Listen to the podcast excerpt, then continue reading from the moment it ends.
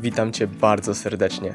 To jest drugi odcinek podcastu Dietetyki opartej na faktach, gdzie bazując na dowodach naukowych staramy się przedstawić wiedzę z zakresu żywienia i suplementacji w sposób jak najbardziej przystępny i praktyczny. Dieta bezmięsna oraz całkowicie roślinna ostatnimi czasy zyskują coraz większą liczbę zwolenników. Są jednak dalej tematem dość kontrowersyjnym i z tego też powodu w tej materii narosło sporo mitów. Dzisiaj razem z moim gościem, doktorem Damianem Parolem, porozmawiamy o diecie roślinnej, o jej wpływie na zdrowie oraz o tym, jak ją odpowiednio zbilansować i na co zwrócić uwagę, zmieniając jadłospis na wegański lub wegetariański. Zapraszam do wysłuchania.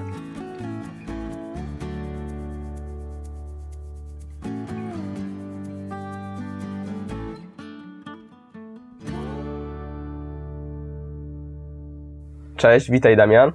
Cześć. E, przedstaw się proszę słuchaczom. No, ja nazywam się Damian Parol. E, jestem dietetykiem.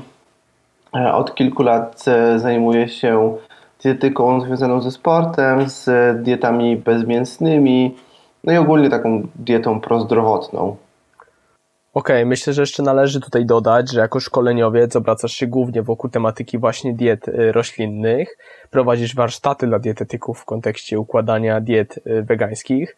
Sam zresztą na takim byłem i, i zdecydowanie polecam. Dziękuję. Dla CSS robisz jeszcze wegetarianizm w kontekście kształtowania sylwetki, tak? Tak, tak. No i nawet pracę doktorską napisałeś o podobnej tematyce dokładnie ocena wpływu długoterminowego stosowania diety wegańskiej na wydolność fizyczną u osób amatorsko uprawiających biegi długodystansowe. Tak, tak. Udało nam się znaleźć grupę biegaczy na diecie wegańskiej i porównywaliśmy ich wydolność do biegaczy na diecie tradycyjnej. Okej, okay, czyli temat diety roślinnej jest Ci znany praktycznie od podszewki, hmm. stąd jest mi bardzo miło, że udało mi się Ciebie zaprosić do tego podcastu. No i dzisiaj porozmawiamy sobie właśnie o diecie roślinnej. Zaczniemy myślę, że tak z grubej rury od razu. Mhm. E, jeżeli chodzi o wpływ diety roślinnej, diety wegańskiej na ogólno pojęte zdrowie. E, ja wiem, że e, termin zdrowie jest bardzo mhm. szeroki, stąd może uściślimy i zaczniemy od chorób układu krążenia czy otyłości. Mhm. No to, mhm. to właśnie, no, jeśli chodzi o wpływ na zdrowie i wpływ na zdrowie diety E, roślinnej, wegańskiej, wegetariańskiej, tak o czym akurat będziemy mówić w danym momencie, to tutaj jest pewien problem, że i zarówno zdrowie nie jest do końca ostrym mm, pojęciem, e, i zarówno też e, dieta wegańska, wegetariańska, dieta roślinna nie jest też bardzo ostrym pojęciem oraz moim zdaniem na przykład nie ma czegoś takiego, że nie wiem, ktoś jest powiedzmy na diecie wegetariańskiej i raz w tygodniu zje mięso i traci w związku z tym wszystkie zalety diety wegetariańskiej, tak, albo coś w tym stylu. No, w sensie, że to nie działa tak bardzo zero-jedynkowo i moim zdaniem nawet jeśli trudno jest to podkreślać za każdym razem, jak się mówi o diecie wegetariańskiej wegańskiej, to jednak warto o tym pamiętać, mm, że raczej mówimy o pewnym, pewnym modelu, który się przybliża albo do większej ilości roślin w diecie, do większej liście produktów nieprzetworzonych w diecie, tak jak mówimy o diecie roślinnej, albo się przybliża do takiego modelu tradycyjnego, gdzie te produkty odzwierzęce regularnie występują, no i to też jakość tych produktów odzwierzęcych też ma tutaj duże znaczenie. No albo w ogóle idziemy w kolejną skrajność, tak, tą dietę mięsną, która się teraz też robi modna pomału e, i w ogóle nie jemy żadnych roślin, tak, tylko jemy samo mięso.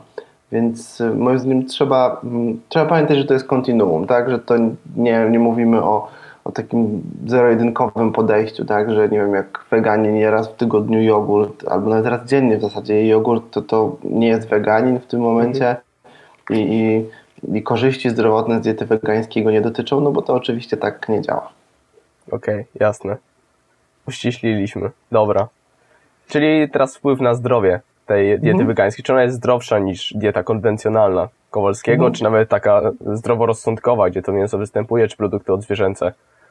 To tak. Mm, jeśli mówimy o porównaniu takiego typowego wegetarianina do typowego, e, to się mówi mięsożercy zazwyczaj, tak, ale po prostu osoby na diecie konwencjonalnej, tak, czyli jedzącej, mm, jedzącej produkty odzwierzęce, wszystkie w tym mięso, E, a nie takiej osoby, która jest mięsożercą na zasadzie, że je wyłącznie mięso, mm, to zwykle wegetarianie i weganie są osobami zdrowszymi, e, mają mniejsze ryzyko chorób serca, mniejsze ryzyko otyłości.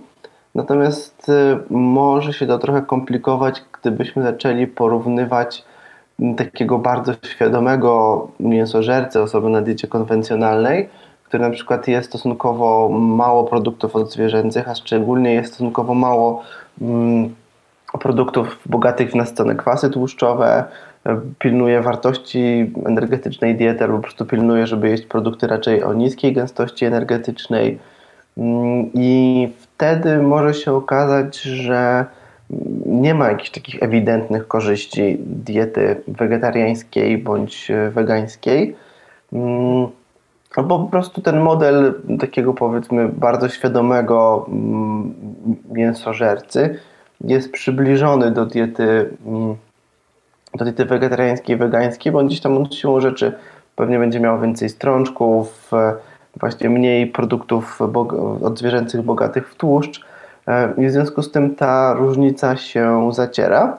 E, dlatego na przykład e, no ja mam przynajmniej wątpliwości, czy, czy gdybyśmy właśnie porównali taki bardzo zrównoważony model diety konwencjonalnej z dietą wegetariańską bądź wegańską, to czy rzeczywiście byśmy zauważyli jakieś bardzo duże różnice. Mhm. Czy w kontekście otyłości to chodzi głównie o to, że weganie zazwyczaj jedzą mniej kalorii po prostu ogółem?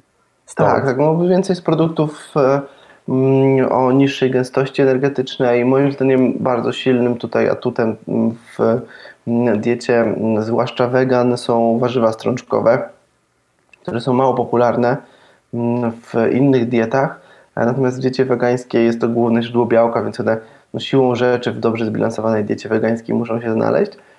Natomiast dowodów za tym, że są one korzystne dla zdrowia jest, jest bardzo dużo i, i to może być ogromna siła diety, diety wegańskiej.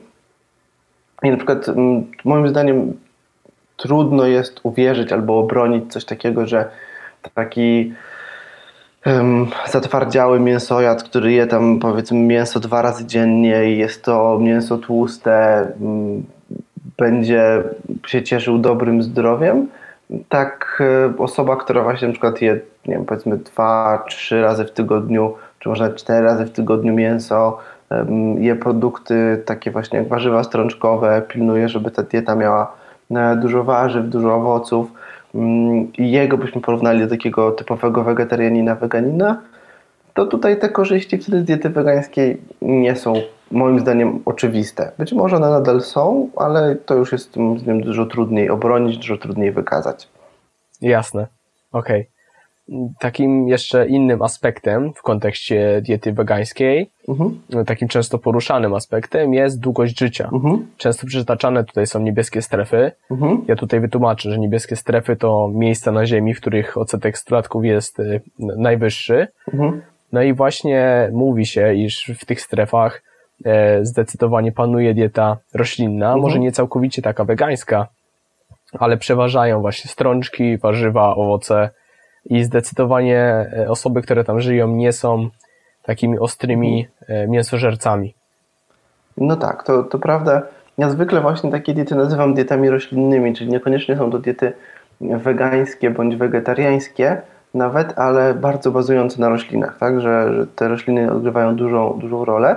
E, natomiast nigdy to nie jest dieta ani wegańska, ani wegetariańska w niebieskich strefach. Tak? To, trzeba, to trzeba wyraźnie podkreślić, czy to ryby, czy jakieś formy nabiału, czy, czy również mięso, jajka, w zależności od, od strefy. One tam występują, tak? występują w relatywnie niedużych ilościach, ale zawsze, zawsze są. E, I Tutaj na pewno jeśli chodzi o niebieskie strefy, no to nakłada się, się kilka rzeczy. Moim zdaniem to ograniczenie produktów odzwierzęcych ma tutaj znaczenie. Obecność strączków w każdej z tych diet też ma na pewno znaczenie. Ogólnie przestrzeganie diety opartej o nieprzetworzone produkty, tak, bo tam nie ma fast foodów, tam nie ma burgerów z soi i z fasoli, Dokładnie. E, tylko to są, czy wegańskich słodyczy na przykład, tylko to są wszystko bardzo nisko przetworzone produkty. E, no i na pewno generalnie cały styl życia, tak? No bo tutaj możemy z jednej strony mówić o diecie, pewnie nas obydwu to, to, to nas najbardziej interesuje, natomiast też nie można zignorować, że cały styl życia tej mm, populacji, czy tych populacji ma duże znaczenie, bo to sposób, w jaki oni żyją jest w większości przypadków, bo tutaj o, Kalifornii można byłoby, o właśnie o Loma Linda, można byłoby jeszcze dyskutować, no jest, jest inny niż nasz, tak? To są, to są generalnie ludy zajmujące się rolnictwem, e, żyjące w takich małych dosyć społecznościach, przywiązane do takich wartości rodzinnych, no, wpływa na ich stan zdrowia. No i między innymi też dieta hipokaloryczna, te osoby też się nie przejadają. Tak, tak, to jest, to jest bardzo ważna rzecz. To się oczywiście wiąże z tą dosyć niską gęstością energetyczną nieprzetworzonych produktów roślinnych, no bo w innych warunkach jest trudno taką dietę przestrzegać. To moim zdaniem też pewnym problemem jest e, coś, co można byłoby nazwać zanieczyszczeniem jedzeniem. Znaczy w, naszych, e, w naszej kulturze, w naszym środowisku jedzenie jest wszędzie dostępne. Tego jedzenia jest bardzo dużo, bardzo łatwo po nie sięgnąć. I nawet jeśli to jest to zdrowe jedzenie, to jednak to zawsze to są kalorie i co byśmy nie robili, bardzo trudno jest nam to jedzenie ograniczyć. To też jest duży problem, dla którego ludzie mają kłopot z tym, żeby schudnąć. Natomiast w tych kulturach to tak nie działa, tak? Tam nie ma fast foodów, tam nie ma sklepów, w których można w każdej chwili kupić jedzenie, czy jakichś street foodów i tego typu rzeczy. Po prostu to jest wszystko dużo, dużo trudniej dostępne. Każdy posiłek trzeba zrobić sobie samodzielnie. To po prostu wymusza mniejszą podaż energii z dietą. Dokładnie. No jeszcze sami muszą, robiąc to jedzenie, e, palą jednak tą energię i spożytkują tą energię na e, samo pozyskanie tego jedzenia, a nie wyjście do sklepu i kupienie batona. Mm, to prawda. Okej. Okay. Jeszcze kontrowersyjnym tematem w kontekście zdrowia a diety wegańskiej jest ryzyko osteoporozy, bo kojarzy się, mhm. iż dieta roślinna jest uboga w wapń, uboga w produkty odzwierzęce, czyli między innymi nabiał, stąd y, ryzyko osteoporozy powinno być wyższe. I czy rzeczywiście tak jest? Mhm. E, generalnie tak. Generalnie to ryzyko osteoporozy moim zdaniem należy uznać za wyższe. Mm, natomiast to nie jest tak, że to jest problem, którego się nie da rozwiązać. To znaczy, główną przyczyną wyższego ryzyka złamań i mniejszej gęstości mineralnej kości u e, wegan jest po prostu niedostateczna podaż wapnia. I to jest główny problem. Białko też odgrywa pewną rolę oraz niedobór witaminy D i B12, on też tutaj ma znaczenie. Natomiast jest to kwestia złego bilansowania diety, a nie tego, że weganie zawsze będą mieli słabsze kości i, mm, i będą zawsze mieli z tym problem, tylko po prostu nieodpowiedniego bilansowania e, diety. E, moim zdaniem też warto jest zachęcać w związku z tym wegan do chodzenia na siłownię, bo trening siłowy bardzo wzmacnia e, kości. Jest to też tutaj bardzo korzystne. Mm, I nie, nie uważam tego za takie zagrożenie, które nie wiem, przekreślałoby dietę wegańską albo albo powinno, powinno się z tego powodu zniechęcać do diety wegańskiej, natomiast mm, bardzo podkreślam to, że powinno się na to uważać, że powinno się bilansować ten e, że nie warto wpadać w takie pułapki, w które czasem wpadają weganie, że mm, a ten wapń to nie jest taki bardzo potrzebny, albo myjemy mało białka, to w związku z tym mniej wydalamy wapnia z moczem e, i, i różnego typu, no po prostu wymówki, tak, które, które mają sprawić, że mm, że taka osoba się poczuje lepiej, że, że, że, nie ma problemu z tym wapniem, natomiast w praktyce ten problem z wapniem będzie i się ujawni po, e, po kilku latach. No właśnie, bo niestety. A, tak? No mów. No właśnie, bo to, to, się, to się ujawnia dopiero po wielu latach i niestety te konsekwencje potrafią być e, paskudne.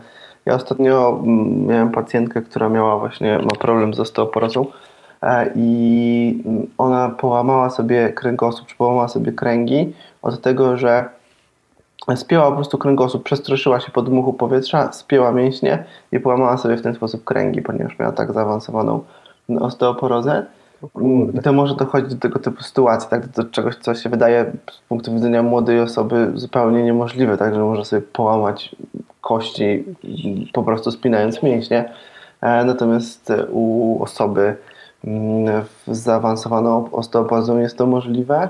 E, no i też w, jest to coś, z czym się już w tym momencie w zasadzie nie da walczyć. Tak? Znaczy, oczywiście próbuje się różnego rodzaju dietoterapii w przypadku osteoporozy, ale to, to pole manewru jest naprawdę bardzo, bardzo małe. Tak? To jest to jest choroba, na którą pracuje się całe życie albo której się całe życie zapobiega, a jak już wystąpi, to już jest, no można tylko minimalizować straty, tak, albo troszeczkę zmniejszać straty, tak, bo nawet ciężko nazwać to minimalizowaniem. No, dokładnie. Ogólnie to jest moim zdaniem bardzo duży problem, że osoby przechodząc na dietę wegańską w ogóle nie myślą o stosowaniu jakichkolwiek zamienników. Hmm. To znaczy rezygnują po prostu z pokarmów odzwierzęcych i nie myślą o zbilansowaniu tej diety w jakikolwiek sposób. Tak, to, to jest prawda. Mhm. No i tak e, przechodząc do zamienników, zacznę od e, mięsa. Mhm. To znaczy, czy najpierw w ogóle warto rezygnować z konsumpcji mięsa? E, jakie są za, jakie są mhm. przeciw mhm. w kontekście jedzenia lub niejedzenia tego mięsa? Mhm. No i jakie stosować ewentualne zamienniki w kontekście tego, mhm. co nam mięso potencjalnie daje? Moim zdaniem na pewno warto ograniczyć mięso i tutaj Mm, tych argumentów można znaleźć dużo i związanych ze zdrowiem, i związanych z wpływem mięsa na środowisko, i, i takich etycznych e, argumentów też można tutaj znaleźć sporo. E, czy warto całkowicie rezygnować? No to już moim zdaniem zależy po prostu od konkretnej osoby. Tak? Są osoby, mm, którym to przyjdzie z łatwością, są osoby, które sobie nie wyobrażają niejedzenia, niejedzenia mięsa. Mm, w związku z tym, no tak jak mówiłem, moim zdaniem warto przynajmniej zastanowić się nad, nad ograniczeniem. E, z mięsem jest e, kilka problemów, to znaczy z jednej strony mięso jest zwykle istotnym źródłem nastonych kwasów tłuszczowych w, w diecie, co zwiększa ryzyko chorób sercowo-naczyniowych poprzez zwiększenie stężenia e, LDL-u, aczkolwiek to, dotyczy głównie tłustych gatunków mięs, no bo te mięsa, które mają mało tłuszczu też mają mało nasyconych kwasów tłuszczowych. Oddzielnym problemem jest kwestia żelaza chemowego, e, którego zwykle jest dużo w czerwonym mięsie. E, natomiast zwykle to też jest problem bardziej u mężczyzn niż u kobiet, no bo kobiety tracą żelazo w czasie okresu. E, w związku z tym do, tych, do tego przeładowania żelazem nie dochodzi jakoś bardzo mm, często. Znaczy jest to bardzo rzadkie u kobiet, natomiast u mężczyzn jest to, jest to realny problem. No i jest, są też takie rzeczy, które trudno jest na dzień dzisiejszy jednoznacznie wyjaśnić, ale na przykład w, są badania, które sugerują, że ryzyko otyłości jest wyższe u ludzi, którzy jedzą mięso, e, niezależnie od podaży energii. Jest takie badanie bodajże z 2014 roku. I tam właśnie analizowano na bardzo dużej próbie, na bardzo dużej kohorcie wpływ jedzenia mięsa na ryzyko otyłości i, i ten wpływ był dodatni. To jest, to jest intrygujące, z czego to, to wynika. Um, niektórzy zastanawiają się, to może jest wpływ na, przykład na florę elitową, um, spożycia mięsa. Tutaj ta flora elitowa też może odgrywać e, rolę pod względem tak zwanego TMAO, E, czyli mm, skrótu od N-tlenku trimetyloaminy, który jest substancją, która bywa czasem określana jako nowy cholesterol, czyli, mm, czyli kolejny czynnik ryzyka chorób sercowo-naczyniowych i być może nowotworów. I jest to substancja, która powstaje przede wszystkim z choliny i z L-karnityny. E, w związku z tym duże ilości mięsa bogate w L-karnitynę e, będą też zwiększać stężenie tej substancji w, krwi. E, ona jest substancją, która tak naprawdę powstaje też przy udziale flory litowej, mm, więc tutaj też to może mieć właśnie pewne znaczenie, jeśli chodzi o, mm, o wpływ mięsa na ryzyko chorób sercowo-naczyniowych.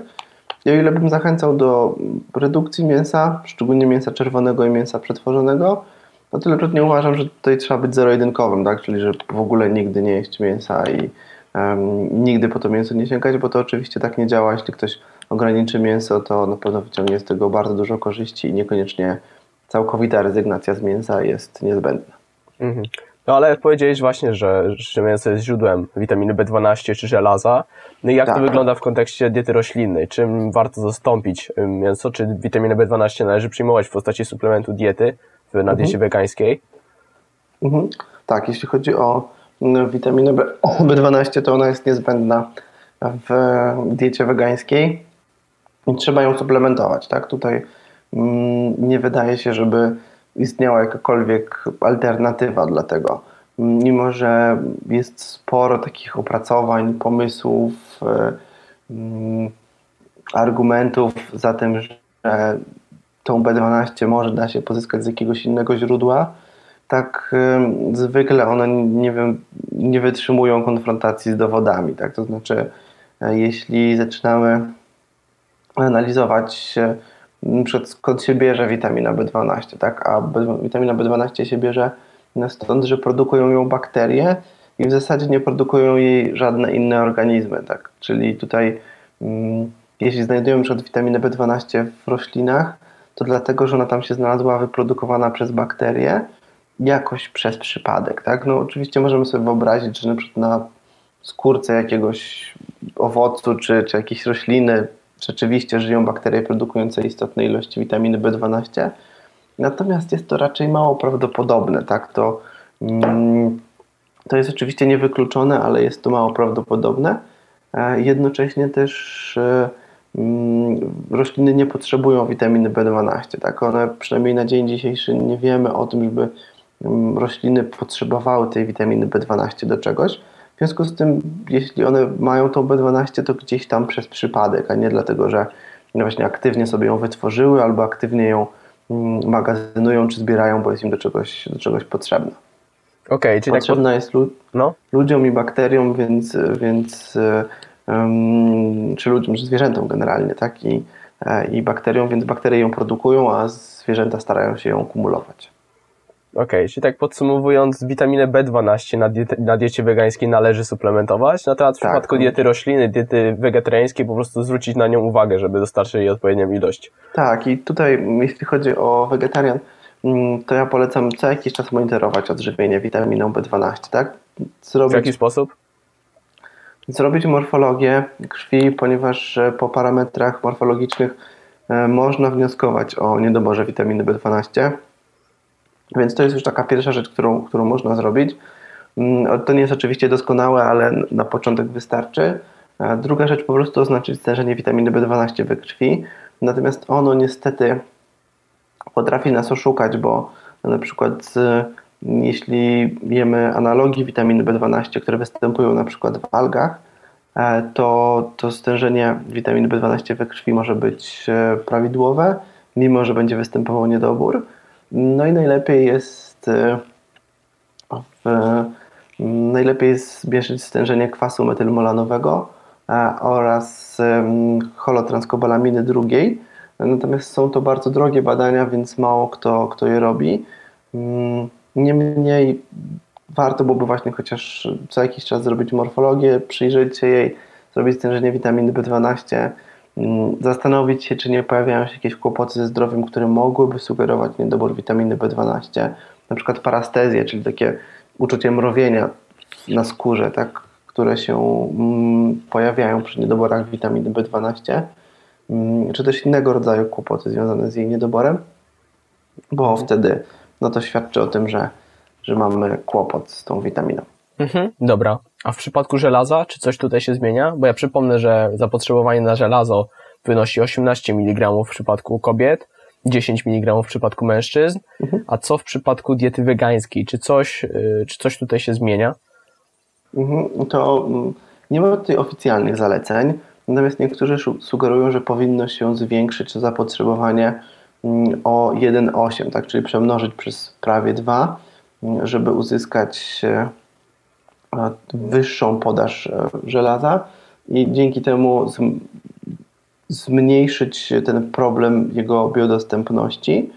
No właśnie, Natomiast trzeba e, wytłumaczyć ja warto, od... że istnieje żelazo chemowe i niechemowe. Mhm. To niechemowe występuje głównie w roślinach i ma ono dużo gorszą e, przyswajalność niż żelazo chemowe, tak, tak. które występuje w pokarmach pochodzenia odzwierzęcego. Mhm. Tak, tak, to jest, to jest duża różnica, natomiast jeśli weźmiemy sobie dwie diety, zestawimy dietę wegetariańską i dietę taką konwencjonalną z mięsem, no to biodostępność żelaza w diecie takiej konwencjonalnej jest na około mm, poziomie około 18%, natomiast w przypadku diety wegetariańskiej na poziomie około 10%.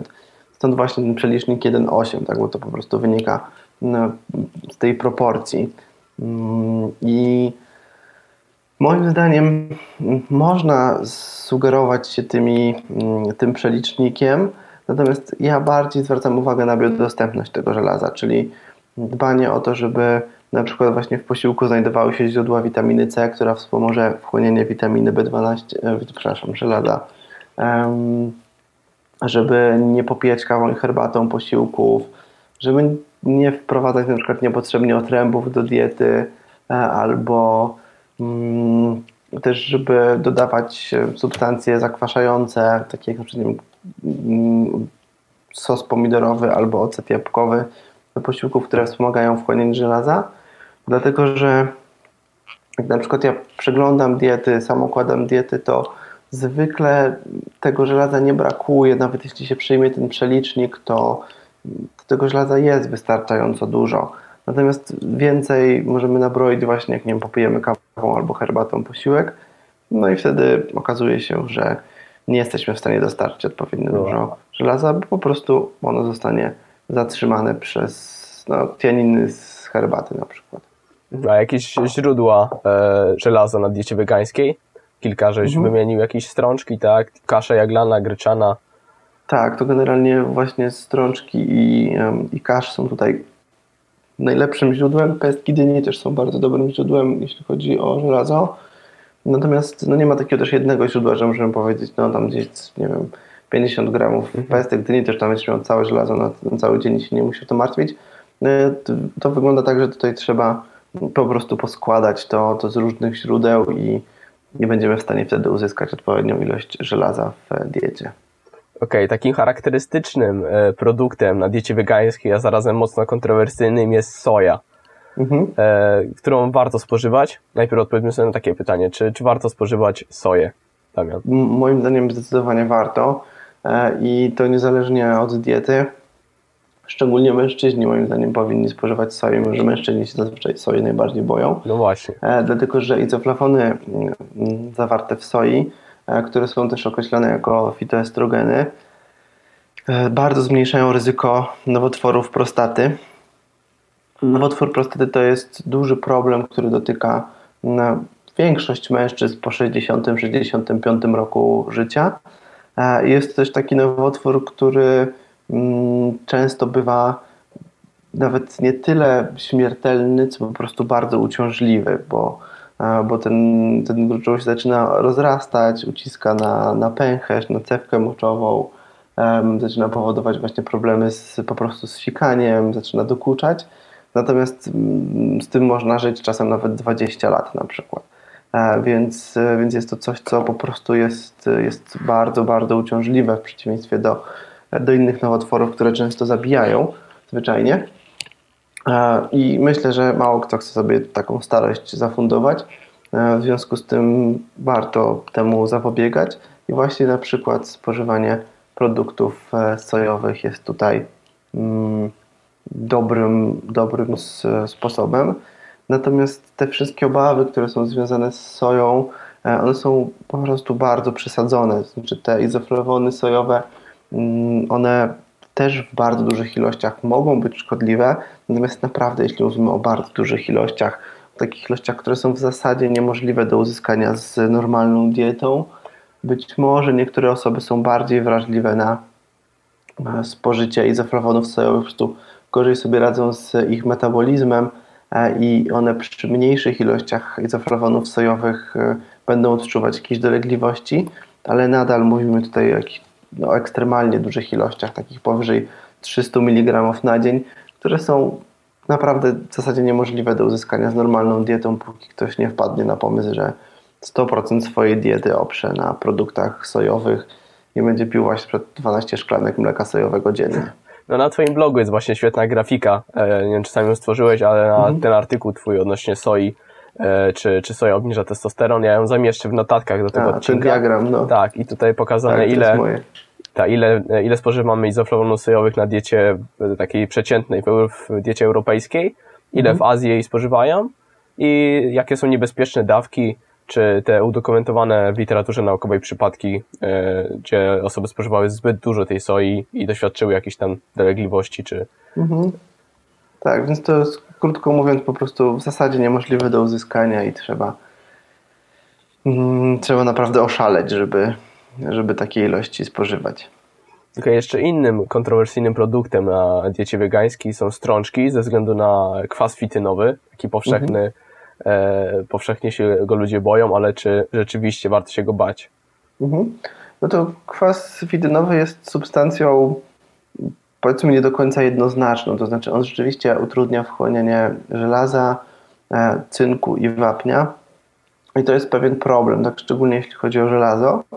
E, i to rzeczywiście jest, jest kłopot, natomiast kwas fitynowy też ma pewne korzystne właściwości. On na przykład mm, zwiększa wydalanie metali ciężkich, mm, działa przeciwnowotworowo, szczególnie jeśli chodzi o nowotwory jelita grubego, zwiększa gęstość mineralną kości. No właśnie paradoksalnie zmniejsza ryzyko osteoporozy, mimo że tak. zmniejsza wchłanialność wapnia. Tak, tak. No tutaj trochę tego wapnia on zatrzyma, e, natomiast e, sam w sobie będzie pobudzał syntezę, czy będzie zwiększał gęstość mineralną kości, będzie ją pobudzał, w związku z tym tutaj tak naprawdę ten efekt netto jest, jest wręcz korzystny. Też trzeba zwrócić uwagę, że zwykle produkty, które mają dużo kwasu fitynowego, mają na tyle dużo wapnia, że mm, i tak on nie zablokuje po prostu tego wchłaniania wapnia. Tak? W tych produktach tego wapnia jest na tyle dużo, że, mm, że i tak go będzie więcej po prostu. Tak? A już jeśli mówimy o całej diecie, to już w ogóle nie jest to problem. Problem jest z żelazem na przykład, tak, czy z cynkiem, gdzie te ilości liczymy jako kilkanaście miligramów, a nie w przypadku wapnia, w którym mm, te ilości dochodzą w dziennym spożyciu do 1000 mg e, i więcej nawet. Tak? Po prostu ta proporcja wtedy między kwasem fitynowym a tymi, mm, tymi składnikami mineralnymi jest, jest zupełnie inna i o ile rzeczywiście na, na wchłanianie żelaza czy cynku on może mieć jakiś tam wpływ, tak na wapń nie będzie miał jakiegoś większego, istotnego wpływu. No właśnie co to jeszcze wapnia, bo też tak nie powiedzieliśmy, mhm. jakieś źródła wapnia na diecie wegańskiej, które są, e, charakteryzują się lepszą wchłanialnością niż pozostałe. Bo mówi mhm. się na przykład szpinak jest dobrym źródłem wapnia, co niekoniecznie e, się przekłada na rzeczywistość. Mimo, że jest dobrym źródłem wapnia, to jednak jego wchłanialność jest e, tak, bardzo tak, słaba. Tak, naszczewiany, ta, ta wkładalność wapnia z, mm, ze szpinaku jest, jest bardzo mała. Tak on ma tam około 130 mg wapnia w 100 gramach, czyli, czyli naprawdę sporo. E, natomiast e, biodostępność jest na poziomie około 5%, więc jest to naprawdę bardzo mało i mm, jest to w zasadzie pomijalne, tak? Czyli można uznać, że po prostu szpinak nie dostarcza e, wapnia zbyt dużo i mm, nie traktować go w ten sposób. Tutaj moim zdaniem są mm, dwa sposoby mm, dostarczenia wapnia, odpowiednio dużo wapnia do diety wegańskiej. Bazowanie na produktach fortyfikowanych to jest moim zdaniem pierwsza opcja i taka lepsza opcja, tak? Czyli po prostu wrzucamy do diety tofu, które często ma dodany sole wapnie jako kolagulant, w związku z tym po prostu ten wapń siłą rzeczy ma i ma go w dużej ilości e, oraz mleka, które są specjalnie, czy też napoje po prostu sojowe i innego rodzaju napoje roślinne, które mają po prostu dodane, to, mm, dodany ten wapń, zwykle w postaci węglanu wapnia e, i są dzięki temu dobrym źródłem. Biodostępność takiego wapnia jest na poziomie mniej więcej biodostępności e, wapnia z mleka, czyli około 30%, mm, czyli całkiem nieźle. Mm, natomiast gdyby ktoś bardzo nie chciał jeść tych produktów wzbogacanych z jakiegoś powodu albo nie mógł, to też można sobie policzyć dietę pod kątem wapnia, bazując na tradycyjnych produktach, tak jak np. biała fasola, mm, figi, brokuły, mm, wiele gatunków roślin liściastych mm, i, i sobie odpowiednio dużo tego wapnia dostarczyć, uzupełniając też na przykład dodatkowo wodą. No właśnie, woda mineralna. Bo to też jest, też jest opcja. E, natomiast moim zdaniem jest to dużo trudniejsze w praktyce e, i mm, dużo bardziej podatne na, na błędy. Tak? To o ile ktoś na przykład wypija szklankę mleka sojowego i zjada kostkę tofu dziennie, to prawdopodobieństwo, że dostarczy za mało wapnia jest w zasadzie znikome. Tak? Ta pozostała ilość wapnia się praktycznie zawsze zgromadzi z innych produktów. Mm, natomiast jeśli by chciał sobie bilansować tę dietę pod kątem wapnia, no to pewnie powinien usiąść z kalkulatorem dietetycznym codziennie albo prawie codziennie, sobie to podliczyć, upewnić się, że tego wapnia jest odpowiednio dużo, zastanowić się, czy właśnie nie ma takiej pułapki, że, że wrzucił dużo szpinaku, który ma mm, kiepską biodostępność, więc jest to moim zdaniem dużo bardziej uciążliwe. Ja to raczej odradzam, tak? Póki ktoś nie ma jakiegoś naprawdę bardzo dobrego powodu, żeby nie jeść tych produktów wzbogacanych, to ja bym to odradzał. Okej, okay, no to myślę, że powiedzieliśmy o trzech takich najważniejszych składnikach, o które warto e, zadbać na diecie wegańskiej, czyli witamina B12, żelazo i wapń. Natomiast, natomiast powiedz, czy są jeszcze jakieś składniki, na które warto zwrócić uwagę? Selen, cynk? Mhm. A to właśnie to co, to, co wymieniłeś, czyli właśnie selen, cynk, jod jeszcze do tego jest takim, takim pierwiastkiem. No i witamina D oczywiście, tak? No to jest tak, to powiedzmy, mm, to jest powiedzmy od, ostatnia czy o tyle rzecz, o którą weganie się jakoś nie muszą szczególnie martwić, no bo wszyscy się powinni martwić tak o, o witaminę D. Natomiast jeśli chodzi o selen mm, czy jod, no to też to są substancje, mm, czy są składniki, których, których brakuje po prostu w e, diecie tradycyjnej w Europie. Natomiast w diecie wegańskiej zwykle ich jest jeszcze mniej. E, i, i trzeba je uzupełniać. Mm, jeśli chodzi o jod, no to albo zostaje suplementacja, ewentualnie spożywanie soli jodowanej, tak jak ma to miejsce u, u większości osób, mm, albo włączenie alg do diety, bo algi mają często bardzo dużo e, jodu, nawet mogą być takie wręcz niemal toksyczne ilości jodu, więc też na przykład z jakimś wakame czy mm, skelp powinno się e, uważać. Mm, żeby nie jeść ich, ich bardzo dużo. Mm, no albo suplementacja, tak, oczywiście. Jeśli chodzi o selen, to jest trochę trudniej, dlatego że takich konwencjonalnych źródeł jest niestety bardzo mało. W zasadzie są to jedynie orzechy brazylijskie, ale też ich ilość jest. Hmm, to znaczy ilość selenów jest uzależniona od miejsca pochodzenia. Więc e, na przykład o ile orzechy brazylijskie z Kolumbii, z Wenezueli, których praktycznie nie ma na polskim rynku. No nie ma w ogóle. Tak, są, są dobrym źródłem. Tak na przykład te, które są w Polsce najczęściej, czyli z Boliwii, mają tego selenu relatywnie mało.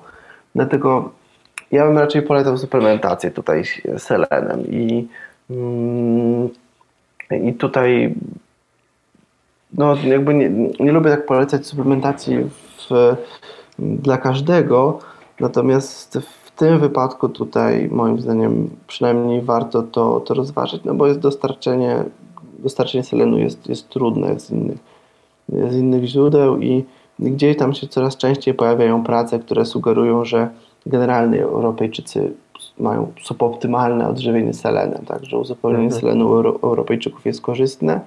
Na u wegan to odżywienie selenem jest jeszcze gorsze niż u reszty Europejczyków. Okej, okay, a, a jak wygląda kwestia kwasów omega-3 u wegan, jeżeli nie jedzą, nie jedzą ryb? Czy, mhm. czy warto zwrócić na to uwagę? Mhm. To jest kwestia mm, do pewnego stopnia dyskusyjna, dlatego że dostarczenie generalnie kwasów omega-3 na diecie wegańskiej jest e, możliwe jak najbardziej, ponieważ kwas alfa-inolenowy występuje no, chociażby w oleju rzepakowym, ale no, siemielniany jest świetnym źródłem nasiona chia, orzechy włoskie, nasiona konopi to są świetne źródła tego, tego kwasu i dostarczenie jego jest jak najbardziej możliwe. Więc samo dostarczenie kwasów omega-3 jest, e, nie jest problemem. Natomiast problemem może być dostarczenie tych tak zwanych długołańcuchowych kwasów omega-3, czyli EPA i DHA. E, one też mają swoją normę, też w normach IRZZ-u e, podaje się, że powinno się dostarczać w sumie ich 250 mg. Mm, w związku z tym w zasadzie powinno się jednak do diety wegańskiej też, e, też dostarczyć. No i teraz są, mm, są jakby dwie szkoły, tak? dwa, dwa podejścia. Albo bazujemy na tym, że istnieje konwersja ALA do EPA i tak, czyli kwasu alfa-linolnowego do, do EPA i czyli tych długołańcuchowych kwasów tłuszczowych. Ona jest niewielka, wynosi kilka procent, ale przy odpowiednio dużym spożyciu e, tego, tego kwasu powinna wystarczyć. E, natomiast powinno wystarczyć. Tak? Tutaj nigdy nie będziemy pewni, czy na przykład syntetyzowaliśmy ich odpowiednio dużo. No lub sięgnięcie znowu po suplement. E, w tym momencie jest to suplement alg, który jest wegański, który jest bezpieczny, jeśli chodzi o zanieczyszczenia. I, no i wtedy mamy pewność, że dostarczyliśmy odpowiednio dużo EPA i DHA. No i moim zdaniem jest to taka kwestia dyskusyjna, tak? Tutaj mm, w zależności od tego, jakie kto ma podejście do tego, jak bardzo chce o to zadbać, czy też jest zawodowym sportowcem, czy jest też kobietą w ciąży albo małym dzieckiem, to tutaj należy to po prostu wszystko rozważyć i, i mm, podjąć decyzję na temat suplementacji tymi, tymi kwasami. Okej, okay, super. Dobra, no to myślę, że podsumujemy, że ogólnie dobrze zbilansowana dieta roślinna może być jak najbardziej zdrową dietą i jest zdrową dietą. Warto zadbać o suplementację witaminą B12, znaczy no trzeba zadbać, jeżeli się jest e, stricte na diecie mhm, tak, wegańskiej. Tak, Ewentualnie rozważyć suplementację selenem, e, czy właśnie kwasami e, omega-3. Zwrócić uwagę na podaż żelaza, żeby nie, tak jak powiedziałeś, pić kawy, załóżmy, czy herbatę, czy wybierać to dobre źródła żelaza w diecie, tak samo wapnia. Mhm. No i, i zdecydowanie warto bazować na roślinach. E, nawet jeżeli się nie jest na diecie wegańskiej czy, czy wegetariańskiej, to w diecie warto, żeby przeważały rośliny. Wyjdzie nam to na mhm. zdrowie. Tak. Dobra, no to myślę, że wszystko poruszyliśmy. Dziękuję Ci, Damian, bardzo serdecznie za rozmowę. Ja też dziękuję. I myślę, że do, do usłyszenia za, za, za niedługo. No, do usłyszenia. Trzymaj się. Jeszcze raz dziękuję Damian za rozmowę. Jest mi strasznie głupio, bo to dopiero drugi odcinek, a ja już zapomniałem na koniec poprosić gościa o przypomnienie, gdzie go można znaleźć. Myślę jednak, że się Damian nie obrazi i pozwolę sobie zrobić to za niego. Damiana można znaleźć na Facebooku oraz na Instagramie wpisując dr Damian Parol. Artykuły Damiana można znaleźć na jego blogu damianparol.com, a jego szkolenia wpisując Centrum Szkoleń Sportowych. Jeżeli dobrnąłeś do końca, to zachęcam do zostawienia komentarza i podzielenia się opinią. Notatki do tego odcinka znajdziesz pod adresem dietetyka oparta na faktach.pl ukośnik 002, tak jak drugi odcinek podcastu. To by było wszystko na dziś. Do usłyszenia już niebawem. Hej!